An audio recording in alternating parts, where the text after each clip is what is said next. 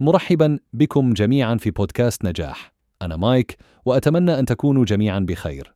اليوم نحن هنا لنتحدث عن عبارة شهيرة قالها ستيف جوبز مؤسس آبل وهي أن الطريقة الوحيدة لأن تقوم بعمل عظيم هو أن تحب ما تفعله. الجميع يرغب في أن يبدع في مجال عمله، ولكن هل تساءلت يوما ما الذي يجعل بعض الناس متفوقين على الآخرين؟ الجواب بسيط جدا، هم يحبون ما يفعلون. عندما تشعر بالحب والشغف تجاه عملك يصبح لديك الطاقة للتغلب على أي تحد أمامك. تتعلم كل يوم شيئا جديدا تتحدى نفسك تطبق أفكارك وتحقق أهدافك. ولكن ماذا يعني حقا أن تحب ما تفعله؟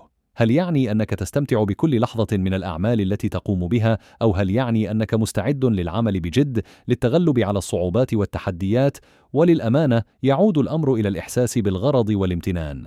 إذا شعرت أن العمل الذي تقوم به يضيف قيمة ومعنى لحياتك ويساعد الآخرين، ستشعر بالحب تجاهه، وإذا كنت ممتنا للفرص التي يوفرها لك عملك، ستحبه أكثر. ستيف جوبز كانت حياته نموذجا لهذه الفلسفة. بدأ آبل في مرآب منزله، ورغم الصعوبات والتحديات، استمر في تطوير منتجات تغير العالم. كما قال في خطابه الشهير في جامعة ستانفورد: الأمر كله يتعلق بتوجيه نفسك طوال حياتك. القدرة على الصبر ومواصلة الطرق أهم من أي شيء آخر. فلنضع في نصف العقل كلمات ستيف جوبز ولنبحث عما نحب ولنجعل هذا الحب يوجه حياتنا وأعمالنا. شكرا لكم جميعا على الاستماع. أنا مايك وقد أنشأت هذا البودكاست مجانا باستخدام أدوات الذكاء الاصطناعي.